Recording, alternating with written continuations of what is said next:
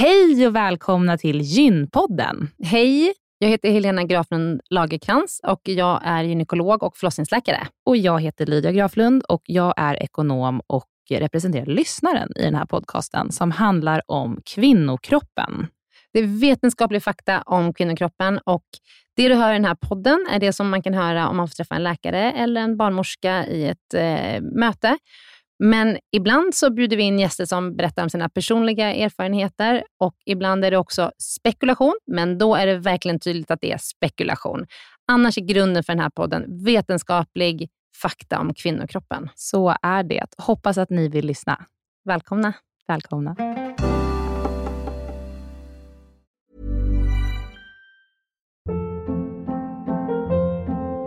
Hold up. What was that? Boring. No flavor. That was as bad as those leftovers you ate all week. Kiki Palmer here, and it's time to say hello to something fresh and guilt-free. Hello Fresh. Jazz up dinner with pecan-crusted chicken or garlic butter shrimp scampi. Now that's music to my mouth. Hello Fresh. Let's get this dinner party started. Discover all the delicious possibilities at hellofresh.com. Den här veckans avsnitt av Gynpodden är sponsrad av Ester Care. Och Helena, det är ju det bolaget, vårdbolaget, som du och jag har varit med och startat, där vi erbjuder digitala vårdmöten med specialister inom kvinnovård. Precis. Och vi vet att det är väldigt mycket vårdpersonal som lyssnar på Gynpodden, vilket vi är jätteglada för. Och vi behöver alltid fler gynekologer till SDKR. Så därför vill vi nu göra en shout-out till alla er som lyssnar ute som vill vara med och förändra svensk kvinnovård. Vi söker specialister inom gynekologi, men också ST-läkare som har kommit en bit in i sin ST och som vill arbeta digitalt eh, med handledning på, hos oss på SDKR. Mm. Och precis som det är för våra patienter som kan söka vård hos oss, det vill säga att de kan bo vart som helst i landet eftersom vi är digitala. Om man laddar ner appen och så bokar man ett vårdmöte, så kan ju även läkaren bo vart som helst i landet eller flytta under tiden man jobbar hos oss. Det är ju väldigt, väldigt flexibelt eftersom eh, man jobbar hemifrån. Och Jag tänker att det måste ju också vara helt underbart att som läkare kunna arbeta hemifrån och planera sin egen tid några dagar i veckan. Ja, verkligen. Och samtidigt vara med och förändra kvinnovården med kollegor som är otroligt drivna och engagerade. Det är jätteroligt att jobba på SDKR. Och jag tycker att det här är en häftig grej som vi gör just nu, att vi erbjuder gyn, äh, gynvård i hela landet. Och vilka är de vanligaste patientmötena du tar, Helena? Ja, men det är ju klimakteriet, eh, PMS, eh, mensbesvär. Och det är ju såklart ärenden och eh, diagnoser som går att hantera digitalt. Men vi remitterar också vidare när det behövs. Mm. Eh, och tar labbprover när det behövs mm. och så vidare. Mm. Så gå in på sdcare.com, klicka på jobba hos oss i menyn för att läsa mer och skicka in en ansökan. Tack så mycket. Tack och välkomna. Välkomna till dagens avsnitt av Gynpodden. Hej, hej, välkomna. Helena, idag ska vi podda om någonting som vi har pratat om tidigare. Ja. PCOS. Ja. Och vilken take ska vi ta på det idag? Jo, men jag tänker så här, vi har ju pratat om eh, liksom det basala kring PCOS förut. Vad är det för någonting och vad, vad, vilk, vem drabbas? Och liksom lite översiktligt, vad kan man göra för att förbättra sina symptom? Men nu ska vi eh, podda lite mer på djupet, lite mera eh, behandling och eh, bakgrund och långtidsaspekten av PCOS. Mm. Och eh, vi ska alldeles strax presentera vår gäst. Och lite ny forskning va? Exakt, mm. det också. Mm. Och vår gäst idag är Elisabeth Sterner Victorin. Välkommen. Heter du Sterner eller Stener? Jag heter Stener. okay. Stener då? okay, ja. Helt okej. Okay. Ja. Du är inte den första. Vill du ge ett intro Helena? Ja. Eh, Elisabeth är professor och forskargruppsledare för reproduktiv endokrinologi och metabolism på institu institutionen för fysiologi och farmakologi. Där får man hålla tungan rätt i mun. Eh, på Karolinska institutet. Och jag blev också tvungen att skriva till, för jag tittade nämligen på en film om dig igår. På en film? Ja, men KI har så fina produ liksom, producerade filmer om sina professorer. Och där var Elisabeth ute och kitesurfade. Kanske vi ska ta lite inspiration till SDK? Ja, kanske ja. det. Ja. Björn, hör du det? Vår CTO. eh, men, och då fick jag i alla fall lära mig att eh, Elisabeth gillar och eh, kitesurfa. Och du har vuxit upp på hästryggen. Tyckte jag var roligt, för det har jag och Lydia också gjort. Och du har också varit, har du varit professionell tävlingsidrottare inom friidrott? Nej, men jag friidrottade och tävlade, ja. Eh, ja upp till jag var 18 år, sen Mm. slutade jag. Mm, vad kul. Eh, ja, och, men det, anledningen till att du är här idag är ju för att du är eh, otroligt insatt i eh, kvinnors eh, problem och långtidseffekter av PCOS och bakgrund till varför man får det. Och, eh, vi har ju märkt att när jag sitter och liksom har patienter, både digitalt och fysiskt, så är det ju väldigt många kvinnor som har PCOS och som undrar över det. Och det är ju ungefär uppskattningsvis 10-15% av Sveriges kvinnor som har PCOS. Mycket intressant.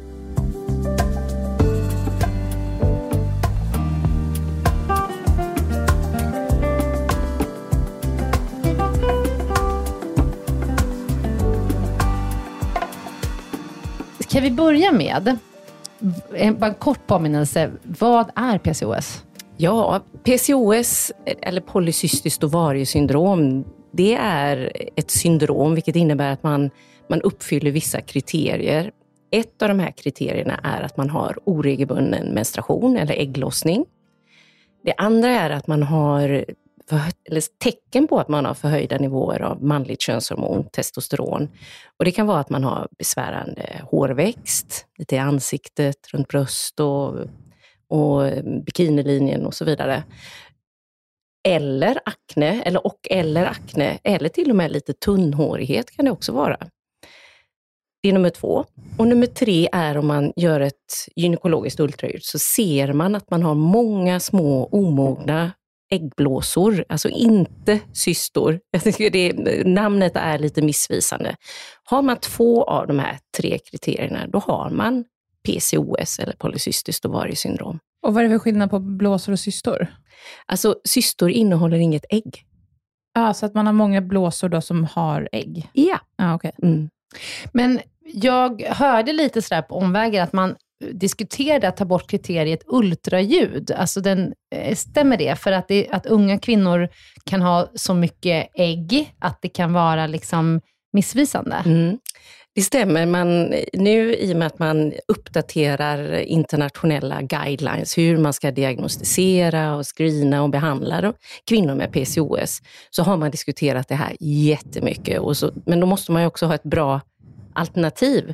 Och ett alternativ är, är att man mäter ett hormon som heter antimuleriskt hormon, eller AMH, som speglar om man har många små av de här folliklarna eller ägg, ja, Mm. det är inte cystor, jag vill inte säga det. Det är, det är många äggblåsor, Äggblåsor, mm. kan man säga. Mm. Men man har inte tagit steget fullt ut ännu att man kan säga att det är säkert nog. Men nu nämnde du unga kvinnor och det är svårt att ställa diagnosen hos unga kvinnor. Dels för att vi vet att hormonerna varierar så mycket.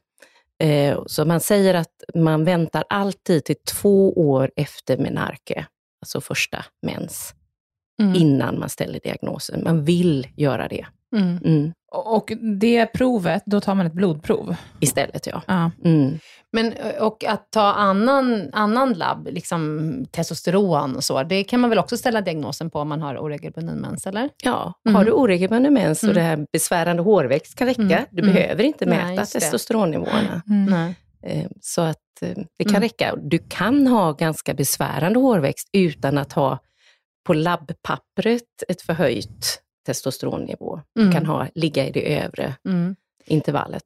Men du, Mm. kan man ha PCOS och ha regelbunden mens? Ja, Ja, för då har du, eh, du har det här förhöjda manligt könshormon och äggstockarna då istället, Mm. som har med många äggblåsor. Ja, Mm. du kan ha det.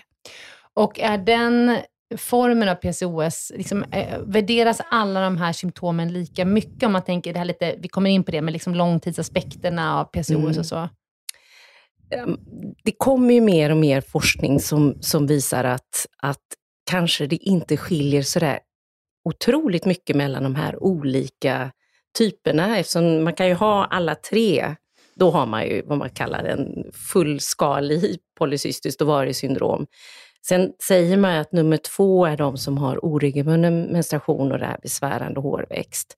Och nummer tre är, besvär, är besvärande hårväxt och äggstockarna. Mm. Alltså att man har Mm. många små folliklar. Och den som kanske är mildast då, det är de oregelbundna menstruationerna och äggstockarna. Mm. Så man brukar ta det i en sådan. Men tittar man genetiskt, alltså när man tittar på genetiska markörer, så ser man ju egentligen ingen skillnad. Nej. Mm. Jag får också frågan ofta, eh, vad är skillnaden på PCOS och PCO? PCO, då har du bara äggstockarna, alltså många små äggblåsor, vilket ungefär 20 procent av alla kvinnor har. Det är helt normalt Mm. att ha många äggblåsor. Och Mm. leder det till några problem då? Nej. Man, så att PCO är egentligen inte ett problematiskt tillstånd, utan det är Nej. när du har PCOS och har de här symptomen som Ja. det blir jobbigt. Mm. När du har två, ett eller två andra symptom också. Ja. Mm. Mm. Och att ha PCO, det gör inte heller att det blir svårare att gravid, bli Nej. gravid. Nej. Det, är Men, normal, det är ett normalt, eh, en normal äggstock skulle jag säga. mm, absolut, det ser Ja. man ju på många. Ja. Eh, eh, spe- speciellt unga fertila tjejer som har liksom väldigt mycket äggblåsor, så kan man ju se liksom att de ligger som ett litet pärlband, alla blåsorna. Men vem drabbas av PCOS och varför får man det?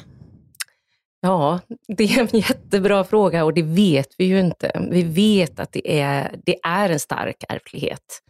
Har din mamma PCOS, då är risken högre. Och då, då vet man ju att genetiken kommer in, alltså generna spelar en roll. Samtidigt så, så förklarar genetiken egentligen en ganska liten del i ärftligheten. Men har du som, alltså är du kvinna och har PCOS och har till exempel förhöjda nivåer av manligt könshormon under graviditeten, det påverkar ju det växande fostret. Och Det finns ju någonting som man kallar epigenetik också, att man, man påverkar utvecklingen av det växande fostret. Hur då? Ja, det kan påverka både könscellerna, alltså äggen och eventuella spermier, eh, om det nu är en pojke då. Eh, och även andra celler i kroppen. Det kan vara allt från lever, fettceller, muskulatur och så vidare. Vilket gör att man kan ha en ökad risk att utveckla polycystiskt ovariesyndrom i vuxen ålder. Mm. Utan att det egentligen är genetik med i spelet. Mm. Det är Mm. intressant och vi Mm. kommer återkomma till om, det, om PCOS hos mamman Mm. även på något sätt påverkar pojkar. Exakt. Och, och en fråga på det är genetiskt bara. Om man har en mamma som inte har PCOS, men en farmor, eh, kommer det även då från, från pappans DNA-sida, så att säga? Ja, nu kommer du in på en, en otroligt intressant fråga som vi ju fortfarande inte vet, Nej. men, men eh, ja, vår, en väldigt nylig studie indikerar att det skulle kunna vara så. Men vi vet inte. Mm. Men vi tror nog att det kan vara så. Mm. Mm. Är det fortfarande väldigt outforskat? Alltså både ja och nej får man väl säga. Egentligen finns det, om du googlar och söker på artiklar om PCOS så finns det otroligt mycket artiklar. Det som man gör mindre av det är ju verkligen försöka studera och ta reda på vad är den bakomliggande orsaken. Där görs det avsevärt mycket mindre. Eh, Men det finns ju mycket behandlingsforskning när man testar olika behandlingsmetoder.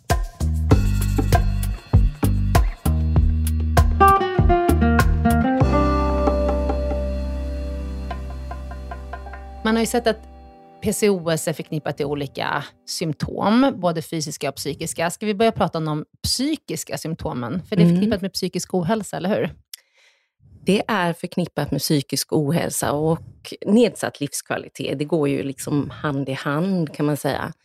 Så förutom att man, de har en ökad risk för oro och depression, eh, så har de även en, en kropps... Eh, lite störd syn på sin egen kropp kan man säga. Att man Mm. uppfattar att ens kropp inte är perfekt. Hur kommer det sig? det är ju starkt kopplat till om man är överviktig. Men det är också starkt kopplat till ökad behåring, akne, att man inte... Att man blir medveten om andra delar och då blir man även väldigt självkritisk i fler delar. Är det är det, det man ser? Exakt. Mm. Är det ökad, ehm, ökad andel av kvinnor med PCOS som har anorexia till exempel? Eller bulimi? Eller bulimi snarare, eh, har man sett att de har ätstörningar. Mm. Mm. För man går lättare upp i vikt va? om man har PCOS, eller? Ja, det där är ju något som diskuteras oerhört mycket, om man faktiskt går lättare upp i vikt eller om man har svårare att gå ner i vikt. Jag skulle vilja säga att egentligen finns det ingen studie som säger att man faktiskt har svårare att gå ner i vikt. Men man upplever hela tiden, det, det är ju vanligt att de jojobantar och att man lätt, snabbt går upp och så går man ner. Om det ligger i den här att man har en, en eh, kanske svårare att hantera sin kroppskonstitution och att, man, att det ligger mer i hur man uppfattar sig själv än det faktum att man faktiskt är kraftigt överviktig eller obes. Mm. För vi har tittat på kvinnor som har svår eh, obesitas, alltså man, man, de har ett BMI som är över 35. Och om de går på viktreduktionsbehandling, de går ju ner lika mycket i vikt om man har PCOS eller om man inte har PCOS. Mm. Så det är ju ingen skillnad där. Nej. Det har inte vi sett i alla fall. Nej. Men okej, okay, så ökad eh, risk för oro, ångest och depression. Mm. Finns det också någon, någon liksom, eh, för, förknippan med eh, manodepressiv eh, sjukdom eller någon annan psykisk sjukdom? Eller är det just depression och oro? Det är ju depression och oro som man har tittat mest på, men sen har man ju tittat även på andra eh, och, men där finns ju lite mindre forskning, så det skulle inte säga att det är lika eh, klart och tydligt där. Eh, det här med eh, body dysmorphia, eller alltså hur man uppfattar sin kropp, det är relativt nytt när det har kommit, eh, som vi faktiskt har med i guidelines, att det är någonting som man måste ha med i så fort man man ger råd om livsstilsförändringar och att man ska kanske gå ner i vikt och hur man ska äta, att man har det med sig då, för det kan ju trigga igång ett ätstörningsbeteende. Mm. Mm. Mm. Har gravida kvinnor med PCOS ökad risk för graviditetsdiabetes? Ja, det har de. Hur kommer det sig? Det ligger i, tror man, att de har en ökad eh, risk för att utveckla insulinokänslighet och även diabetes i mycket tidigare ålder än, än kvinnor som inte har PCOS. Ehm, och sedan så är det också, ligger det också i att kanske de, framförallt de som är överviktiga, att de kanske går upp lite mer i vikt under graviditeten. Men det är in, alltså även om man justerar för det här med viktuppgång så har de en ökad risk för graviditetsdiabetes. Mm. Men vi kan gå tillbaka då till icke-gravida, för du har pratat psykisk ohälsa. Men det, det, den fysiska biten är ju också mycket allvarlig och någonting som man ska ta seri seriöst och prata om med mm. kvinnor som har PCOS. Vad är de fysiska eh, långtidskomplikationerna? Det som jag just nämnde, som, som jag tyvärr tycker att man kanske nonchalerar lite väl mycket i Sverige, man är mycket bättre på det här i andra länder, det är just att, att kvinnor har en ökad risk för att utveckla diabetes typ 2. Mm. Och Det här är ju någonting som man verkligen kan motverka om man får rätt behandling och man får råd och, och så vidare. Så det är otroligt viktigt att man, det är inte på något sätt att man ska skrämma någon, för det är inget farligt. Men man ska vara medveten om det så man tidigt kan börja jobba med det i unga år. Mm. Jag tycker det där, det, det, där är så svårt, för att mm. när, det söker, när det kommer en kvinna som söker för PCOS och oregelbunden mens och hon är orolig för sin fertilitet och hon kanske har akne och så ska man också liksom, men du, eh, förresten också så måste du veta att du har risk. Det är så svårt att, liksom, att få in Säger det Säger du då att hon har ökat risk för diabetes? Eller? Ja, men alltså, man ska ju alltid ta upp det och berätta det. Men jag, jag kan tycka liksom att ibland det så, de har så mycket akuta besvär, mm. att man liksom inte kan gå in på långtidskomplikationerna nästan, för att det känns som att jag bara sänker henne. Förstår du? Nej, men jag förstår precis och ja. jag förstår det. Och det är ju också kanske i vårt sjukvårdssystem att vi har så lite tid. Men här, man måste ju också se att det här är ju ett, ett, en långtidssjukdom som man, som man lever med. Så man, mm. Lite som om man nu jämför långvarig smärta. Man måste lära sig leva med PCOS. Mm. Så det är självklart att du ska inte ta det här första besöket. Du får ju ta det andra besöket, det tredje besöket. Mm. Att man har det här. Man skulle ha årliga kontroller på alla kvinnor med PCOS. Ja. Det har vi det, inte. Det rekommenderas i guidelines. Bra. Mm. mm. Men Nej. vi har, gör ju ännu Nej. inte i Sverige. Nej. Nej. Så att eh, det är väl mer, och sen kanske man också ska ifrågasätta, är det ni som gynekologer som ska göra det? Det kanske är en allmänläkare som mm. ska hålla i vårdkontakten och skicka vidare och sen när det är någonting som graviditet eller mm. någonting annat. Mm. Eh, Absolut. Det är ju ett samarbete och också väva in alla andra liksom, eh, kompetenser inom vården. Dietisten och fysioterapeuten och ko- psykologen. Och liksom alla måste ju samarbeta Mm. kring det här. Så att, absolut, vi gynekologer är säkert inte bäst lämpade i alla delar. Men okej, så då, då har vi diabetes, högt blodtryck. Mer vanligt. Mm. Mm. Och, och ja, man pratar ju om hjärt-kärlsjukdom och det finns ju, det är väl kanske egentligen den delen där man vet lite mindre. Diabetesen, den, är, den vet vi att den finns där och den kommer relativt tidigt. Men även blodtrycket, men egentligen vad som orsakar blod, det höga blodtrycket är man inte helt, eh, helt på det klara med. Nej. Man mäter något som man kallar intima media thickness. Kanske du kan Mm. översätta? Ja, alltså den innersta delen av kärlet, blodkärlet. Ja. Som är Hur tunn- tjock den är. Ja, Mm. som är då smalare, vilket gör att det ökar trycket. Ja, Mm. Så den är smalare på en kvinna med, med PCOS? Ja. Mm, Okej. Det är ett mått som man använder sig av. Mm. Mm. Ja, intressant. Är det någonting annat som man bör liksom ta upp, förutom diabetes och blodtryck? Ja, alltså man, kan, man, kan, man pratar om metabola syndromet som ju är ett annat, egentligen en annan diagnos. Men en kvinna med PCOS som, som har ökat bukomfång kan man säga, att man har det man kallar eh, eh, ja, Bukfetma. Mm. säger man ju. Mm. Eh, har man det tillsammans med att man har kanske förhöjda blodfetter av de negativa blodfetterna, man kan ha förhöjt blodtryck, eh, man, kan ha, eh, man kan ha diabetes typ 2, så uppfyller man flera av de här kriterierna, då har man det som man kallar metabolt syndrom. Som är, det, kan man ju ha även om man inte har PCOS, men har man det som PCOS-kvinna, ja men då är det läge att, att försöka verkligen ta tag i sin livsstil och kanske även börja med medicinsk behandling. Mm. Eh, jag skulle nog säga att man kanske måste göra det också, Mm. lite mer än vad man har gjort hittills.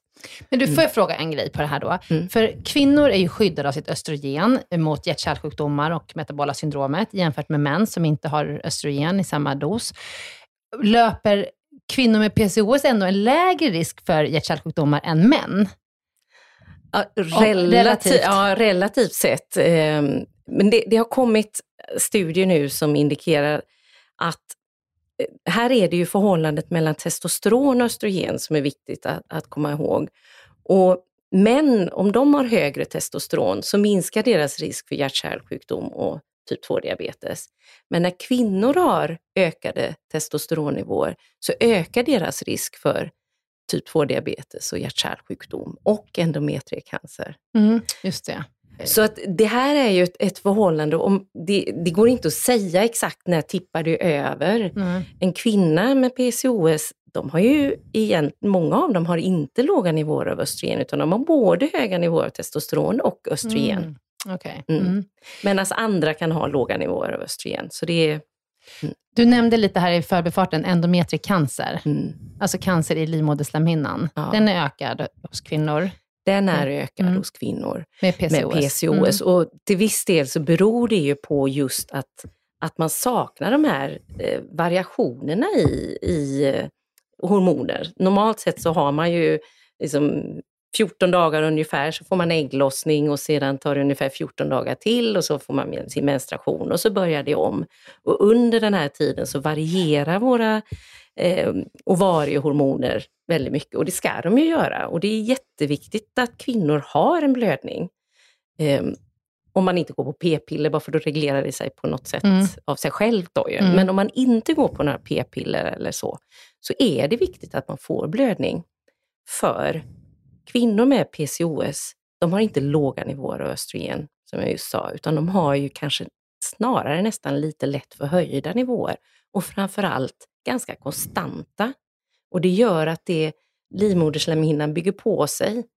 Och Men är blir liksom hela tiden lite stimulerad Ja, och precis. släpper inte och kommer ut. Så att, Och det är ju farligt. Eller? och det är farligt. Så att Mm. vi, rekommendationen är att man ska ha, om man inte står på p-piller eller har spiral eller någonting sånt, då ska man ha i varje fall fyra blödningar Mm. per år. Är det fortfarande rekommendationen? Ja. Mm. Mm. Och det här är jätteviktigt. Jag tycker det är ganska många som inte vet det. Jag tror man kan bli lite skrämd nu om man har en hormonspiral och aldrig blöder till exempel. Vad är skillnaden här? Att du inte blöder om du har en hormonspiral eller p-piller som gör att du inte blöder? Alltså har man en hormonspiral eller p-piller, då är ju livmoderslemhinnan konstant tunn. Den bygger liksom inte på sig, den blir inte stimulerad. Men om man inte har ett skydd som gör att livmoderslemhinnan är tunn, då blir den tjock, tjock, tjock, tjock. Och om den då aldrig släpper och blöder ut, alltså den får inte den här mm. Kick att nu ska den släppa, som, som den får av en ägglossning. För eh, anledningen till att man inte får en mens är för att man inte haft en ägglossning. Då behöver man liksom hjälpa kroppen med det. Och då kan man ta en, en kur med gulkroppshormon fyra gånger per år, eller sätta in en hormonspiral så är man alltid skyddad. Men så att man liksom kommer ihåg det. Att det, det för en, jag, jag märker att kvinnor tycker att ah, det är rätt skönt att inte ha mens. Mm. Exakt. Ja, mm. Eh, och då, så här, men nej, det, så, så skönt kan vi inte ha det. Ha en, då, ta en då får man ta en spiral istället, om du har den effekten. Mm. Yes. Ever catch yourself eating the same flavorless dinner three days in a row? Dreaming of something better? Well, hello fresh is your guilt free dream come true baby. It's me, Gigi Palmer. Let's wake up those taste buds with hot juicy pecan crusted chicken or garlic butter shrimp scampi. Mm. Hello fresh. Stop dreaming of all the delicious possibilities and dig in at HelloFresh.com. Let's get this dinner party started. Life is full of what ifs, some awesome, like what if AI could fold your laundry? And some, well, less awesome, like what if you have unexpected medical costs? United Healthcare can help get you covered with Health Protector Guard fixed indemnity insurance plans they supplement your primary plan to help you manage out of pocket costs. No deductibles, no enrollment periods, and especially no more what ifs. Visit uh1.com to find the Health Protector Guard plan for you. Veckans avsnitt av Gynpodden är sponsrat av mittpreventivmedel.se som är en informationssida från Bayer. Mm jättebra informationssida. Eh, den, den är full av information och material för att du på bästa sätt ska kunna välja vilken preventivmedelsmetod som passar dig allra, allra bäst. Mm. Och Det vi tänkte prata om idag det är att det finns något som heter samtalsguide mm. på den här sidan. Mm. Och Det är ett formulär där man har, får en massa frågor, till exempel så här, att komma ihåg att ta med preventivmedel dagligen är inget problem för mig, eller ibland svårt, mm. eller inte min grej. Mm. Eller um, om jag blev gravid nu och så vidare. Liksom. Så att man får kryssa i en massa frågor och ta ställning och fundera innan mm. du träffar din gynekolog eller barnmorska. Så att du liksom verkligen får med alla frågor som är viktiga för dig i det där mötet. Ja. Så man kan fylla i den på den här hemsidan, så kan man skriva ut den här blanketten och ta med den. Ja. Jag skulle säga att, att det verkar som att det är framförallt fyra kategorier som mm. är väldigt viktiga. Och sen, mm. så, sen så spelar det ju in vad du har tagit innan och hur det funkat för dig och, mm. så där, och din historik. Men det verkar ju som att det handlar mycket om hur liksom ordningsam man är, eller hur strukturerad man är, att kunna ta någonting dagligen. Mm. Eh, hur viktigt det är att man inte blir gravid. Mm. Eh, användning av hormonella preventivmedel eh, och om man vill påverka sin menstruation på något sätt. Mm. Så det verkar som att det är de fyra kategorierna som man, man bör fundera på innan mm. man väljer ett preventivmedel. Man får bra guidning i hur man ska svara på de här, eh, med olika kategorier, och olika svar. Och Sen så tar man med sig det till sitt möte med barnmorska och gynekolog och då är man väl förberedd. Mm. Och Jag lovar er att om ni gör det här innan ni går eh, till en barnmorska eller gynekolog, då kommer ni få mycket bättre hjälp. För att det här är liksom ingenting som bara finns i en, utan man måste liksom fundera lite på ja. så vad är viktigt för mig. Vill jag ha mens eller inte? Ja. Och så vidare. Så att, gå in på mittpreventivmedel.se och titta runt där och gör den här eh, ja, samtals, samtalsguiden. samtalsguiden. Ja. Tack Bayer för att ni har utvecklat denna braiga sida om ja, preventivmedel. Den är otroligt bra. Mm. Tack så jättemycket. Tack.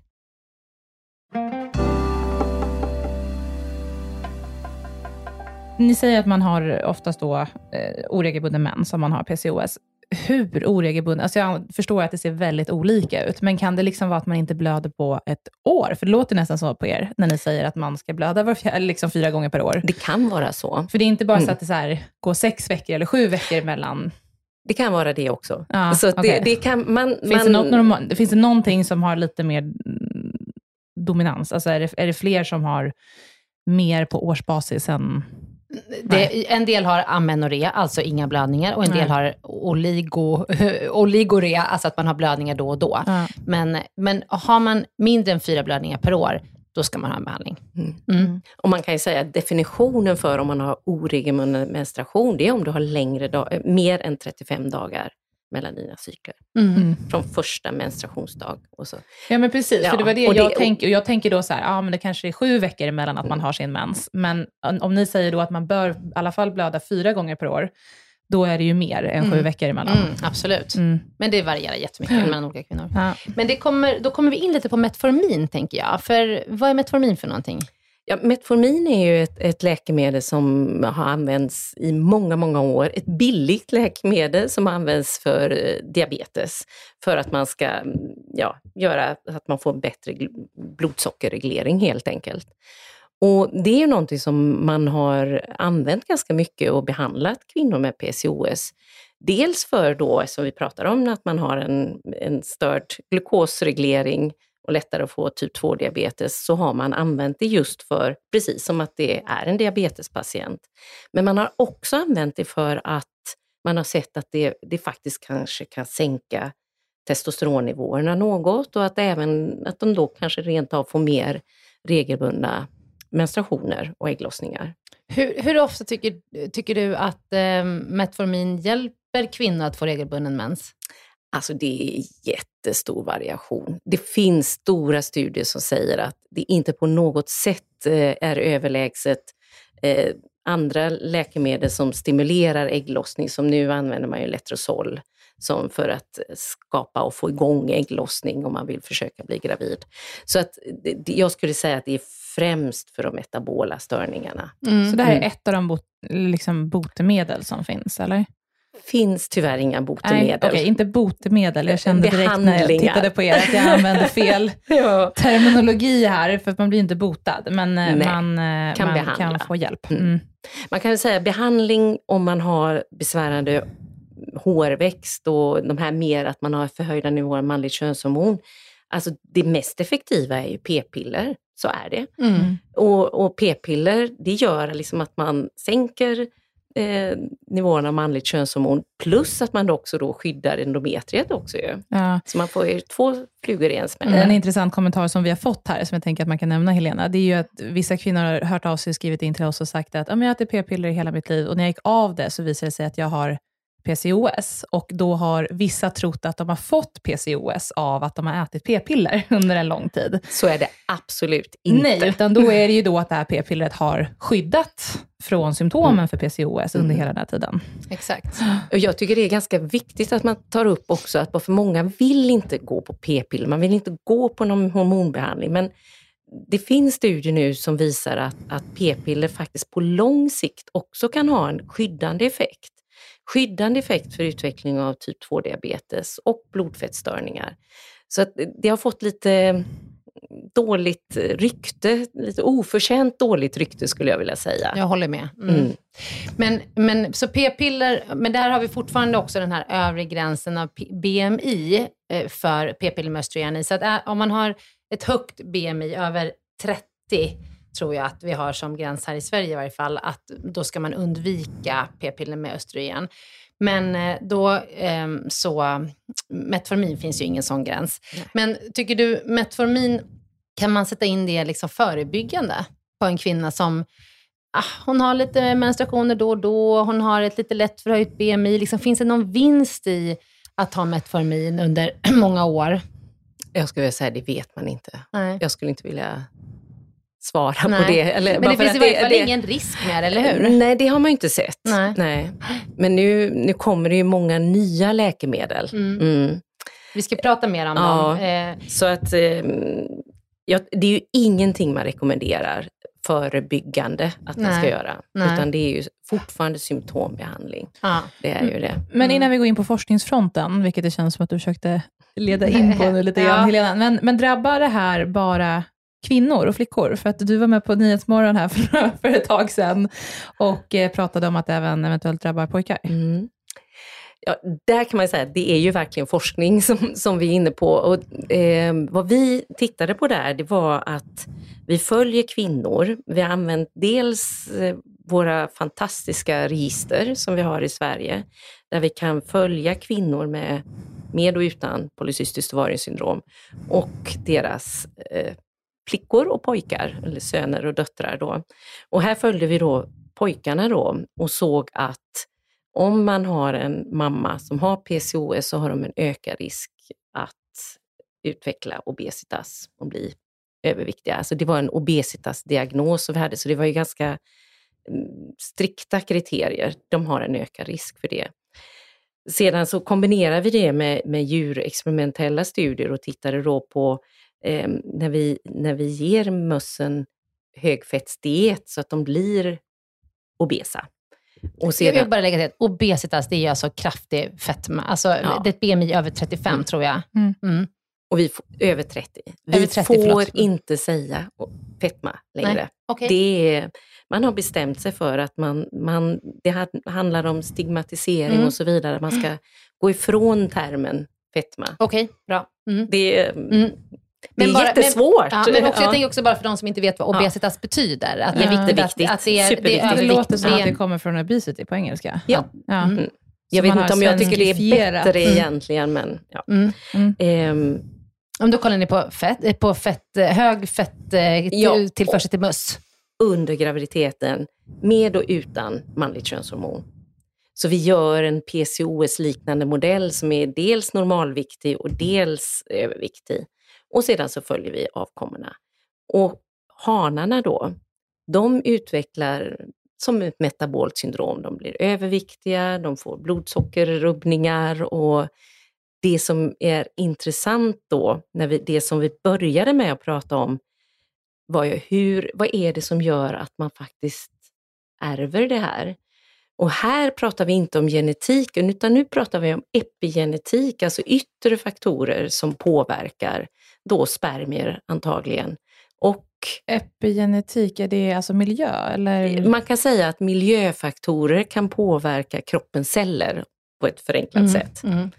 Eh, och som gör att det kan föras vidare i generationer utan att det är någon genetik med i det hela. Gud vad komplext. Mm. Alltså innebär det luften du andas? Eller luften du andas, du maten du äter. Vi har hört jättemycket om PFAS och alla plaster och så vidare. Ehm, eh, att det kan ha en påverkan och stör, göra att man får hormonstörningar. Mm. Mm. Mm. Så det ligger i, det är ju epigenetik också. Mm. Mm. Okej, okay, så pojkar till mamma med PCOS löper en ökad risk för obesitas? Ja. Mm.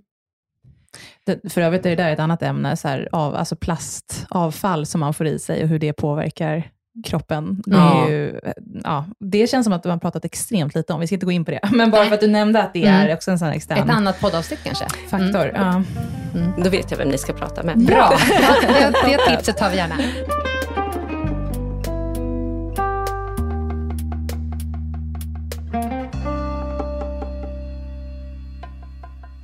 Men du, ska vi gå in på lite eh, med läkemedel då? Vad mm. händer på forskningsfronten? Vad har vi att erbjuda våra kvinnor idag, förutom p-piller och Metformin? Då?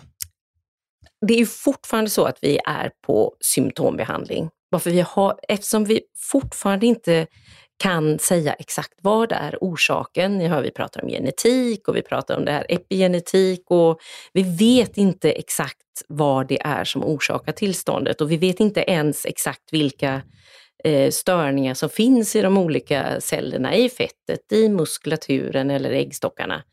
Så det är symptombehandling och det som, om det är så att man vill bli gravid, jag menar där finns det ju bra eh, läkemedel som triggar igång ägglossning. Fungerar inte det så gör man ju provrörsbefruktning. Om det då är till exempel diabetes och övervikt med i spelet, där pratar vi om Metformin. Men nu har det ju kommit otroligt mycket mer effektiva läkemedel som eh, är dels för viktnedgång och att det gör att man förbättrar långtidsblodsockret, att man kan få en mycket bättre blodsockerreglering. Vad heter de? Ja, de heter GIP och GLP-1-analoger, alltså de stimulerar receptorerna för just de här eh, substanserna. Och vilken läkare behöver man träffa för att få hjälp med det här? Alltså, för i Sverige, för att få det, så måste man ha diagnosen typ 2-diabetes. Det är ju mm. lite tråkigt att man inte kan få göra det förebyggande för att inte utveckla typ 2-diabetes, eller? Ja, det här är ju så pass nytt så att jag tror att det här handlar ju om att alla vill ju ha det och det är Mm. ingen billig behandling. Nej. Så, men å andra sidan så måste vi ju bli bättre på också att diagnostisera typ 2-diabetes. Mm. För jag tror att det är väldigt många av våra kvinnor med PCOS som faktiskt går runt och har typ 2-diabetes utan att de faktiskt vet om det, Mm. eftersom vi inte Nej. undersöker dem. Tycker du att eh, man ska screena eh, för typ 2-diabetes från en viss ålder hos kvinnor med PCOS? Eh, jättebra fråga och där vill jag referera till de här internationella guidelines som, som nu är uppdaterade och kommer ut. Och nu kommer jag faktiskt inte ihåg vad exakt de säger där, men de säger att det ska vara en regelbunden screening. Mm. Men jag kommer inte ihåg exakt hur lång tid det är. Men de kommer i augusti eller september. Mm. Mm. Mm. Okej. Mm.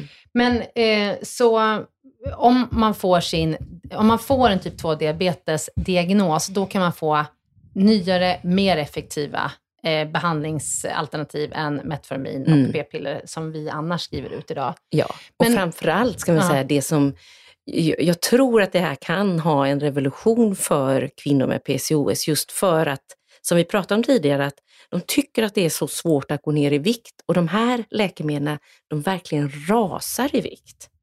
Otroligt. Ja, det, alltså det, jag tror att det kommer att bli en revolution. Är det det här, eh, Elisabeth, som det har stått om i tidningarna ganska nyligen, om att man vill använda de här läkemedlen till att bara gå ner i vikt, till exempel? Ja, alltså, nu vet jag ju inte exakt vad du Nej. refererar till, men jag, jag, jag kan tänka mig att det är det, ja. Ja, Mm. För att de har kommit ganska nyligen och eh, Ja, de kommer från äh, USA. Jag, jag vill inte prata exakt om de här som det, det fortfarande är väldigt mycket på forskningsfronten, men jag tror att det här kommer ha en stor påverkan på, för kvinnor med PCOS. Definitivt, och framförallt de som har problem med sin vikt. Ja, så bra. Det känns ju hoppfullt att det finns någonting som är på G. Liksom. Ja, absolut. Men händer någonting annat på forskningsfronten på PCO som du tycker är så här, det här är spännande? Och, Eh, håller man på att knäcka liksom gåtan PCOS eller så? Eh, alltså problemet, om man nu får säga så, eh, man ska inte prata om problem, men problemet är ju att det är ett syndrom. Det är så många olika delar så att det är svårt att knäcka gåtan av den anledningen. Så det man gör är ju att man tittar på varje liten del och i, många gånger det som saknas är ju att man för ihop de här delarna. Eh, men jag, jag tycker nog att vi börjar komma närmare att förstå vad är de bakomliggande orsakerna. Och återigen, jag var på ett möte förra veckan i Chicago där de pratade dels om genetiken, man lär sig mer och mer om det. Det är inte så att man hittar så många fler gener, men man börjar förstå vad de betyder och vad de har för funktion och i och med det så kan man ju också så småningom komma in på mer riktad behandling. Eh, det som vi gör på labbet här på KI, det är att vi, vi tittar på eh, vi har kliniska studier och vi har djurexperimentella studier, men i de kliniska studierna så, så får vi både fett, muskel och endometriebiopsier, alltså biopsier från livmoderslemhinnan. Och de analyserar vi på, in på enskilda cellnivåer och tittar vilka gener uttrycks i de här eh, olika cellerna. Och genom det så kan vi förstå vad är det som egentligen är specifikt för kvinnor med PCOS jämfört med de som inte har PCOS.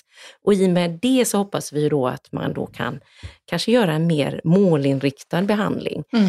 mot just det här som är störningen då. För vi, vi är alldeles för, det är som att man strör salt på ovanpå allting. Man, man går liksom inte in på orsaken till det. Nej. Mm.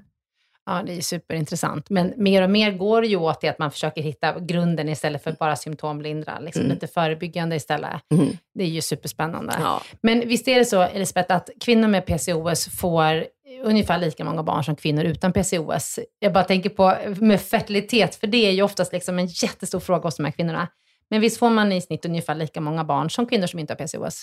Det stämmer. Med lite Mm. hjälp ibland. Med lite hjälp Mm. och kanske lite mer graviditetskomplikationer. Mm. Det är det. Mm. Mm. Så Ja. det, det är viktigt att man kanske tar hand om sin graviditet och monitorerar den lite mer noggrant än en kvinna som inte har PCOS. Mm. Är det någonting ytterligare i de nya guidelinen som du vill eh, berätta om, eller som du vill tycka att vi bör ta upp och prata om? Jag vill komma tillbaka lite till det här med den psykiska ohälsan, för att det är någonting som vi bortser lite ifrån. Ja, men många ser, ja men det är inte så konstigt att, att man mår dåligt om man har svårt att bli gravid, om man har lite besvärande hårväxt och så vidare. Men det är ett reellt eh, problem, bara för att många av dem är ju faktiskt diagnostiserade eller har en depressionsdiagnos. Och det är ju jätteviktigt att man får den behandling man ska Mm. ha. Och jag menar, då ska man ju följa guidelines för depressionsbehandling. Men det är viktigt också att ta med sig att det här är en del av PCOS faktiskt. Så att man inte släpper det bara, utan att kommer jag tillbaka till det här att det är viktigt att någon håller i vården för kvinnor med PCOS. Så Mm. att man inte bara, okej nu går du till den och sen så är man borta. Nej, Mm. precis. Ja, det, för det är ju kroniskt.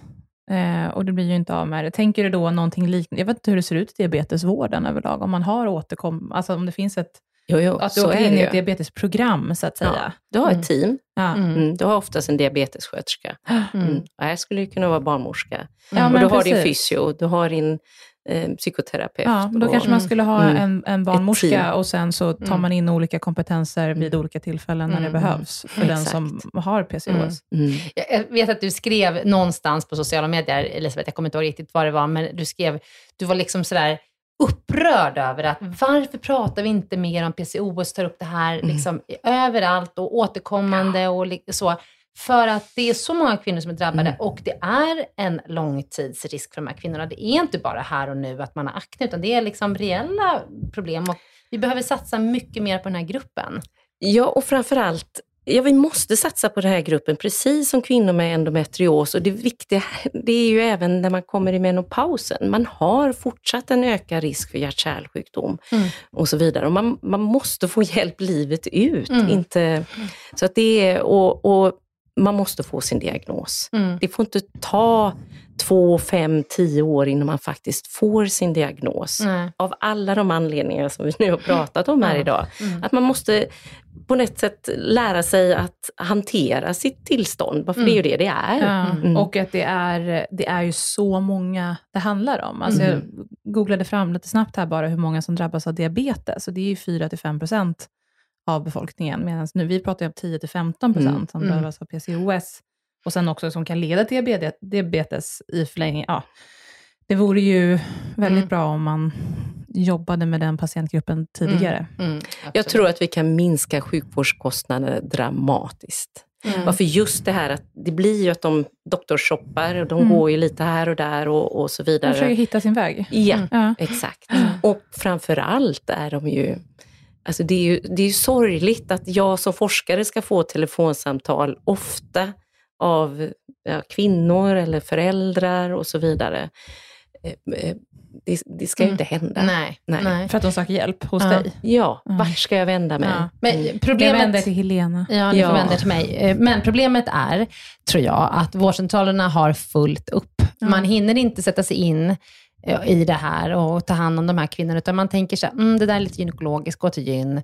Och, eh, och vi tar hand om vår lilla skärva. Men det är som du säger, det är liksom multidisciplinärt. Det måste vara jättemånga som jobbar kring de här patienterna. Men det finns, the only way is up. Alltså det, vi- Absolut. Det, det går ju att Ja. förbättra. Det är ju inte så att det liksom, finns utvecklingspotential. Och jag tycker att bara sista året har det hänt jättemycket. Alltså bara det här att folk är mer medvetna, man pratar om det, ni poddar om det. Och det, bara det ger ju hopp tycker Mm. jag. Mm. Och, och dig ser man överallt nu. Jag ser dig överallt i alla fall. Mm. På tidningar och TV. Och, Ja, det- ja, jo, men och det- också det- som du säger, ja. att det har kommit eh, ja, men en app som heter Overlie, Mm. som, där man Mm. kan få hjälp till exempel. Det, det lyfts ju, Mm. Mm. området. Mm. Oh ja. Mm. Ja, men tusen tack Elisabeth att du kom hit idag och poddade med oss om det här jätteviktiga ämnet. Tusen Mm. tack för att jag fick komma. mycket. Otroligt roligt. Ja, och eh, vi, nu sitter vi så nära varandra så att när du får någonting nytt att berätta om, då piper du över hit och poddar om det. Det vill säga Elisabeth är på KI och vi har ju vår nyöppnade fysiska klinik vid Torsplan. Ja, Ja, så det är bara, Helt fantastisk klinik. Där vi Ja, sitter och poddar idag. Ja. fick vi det sagt också. tack och hej hörni. Tack så mycket. Hej då. Hej då. Hej då.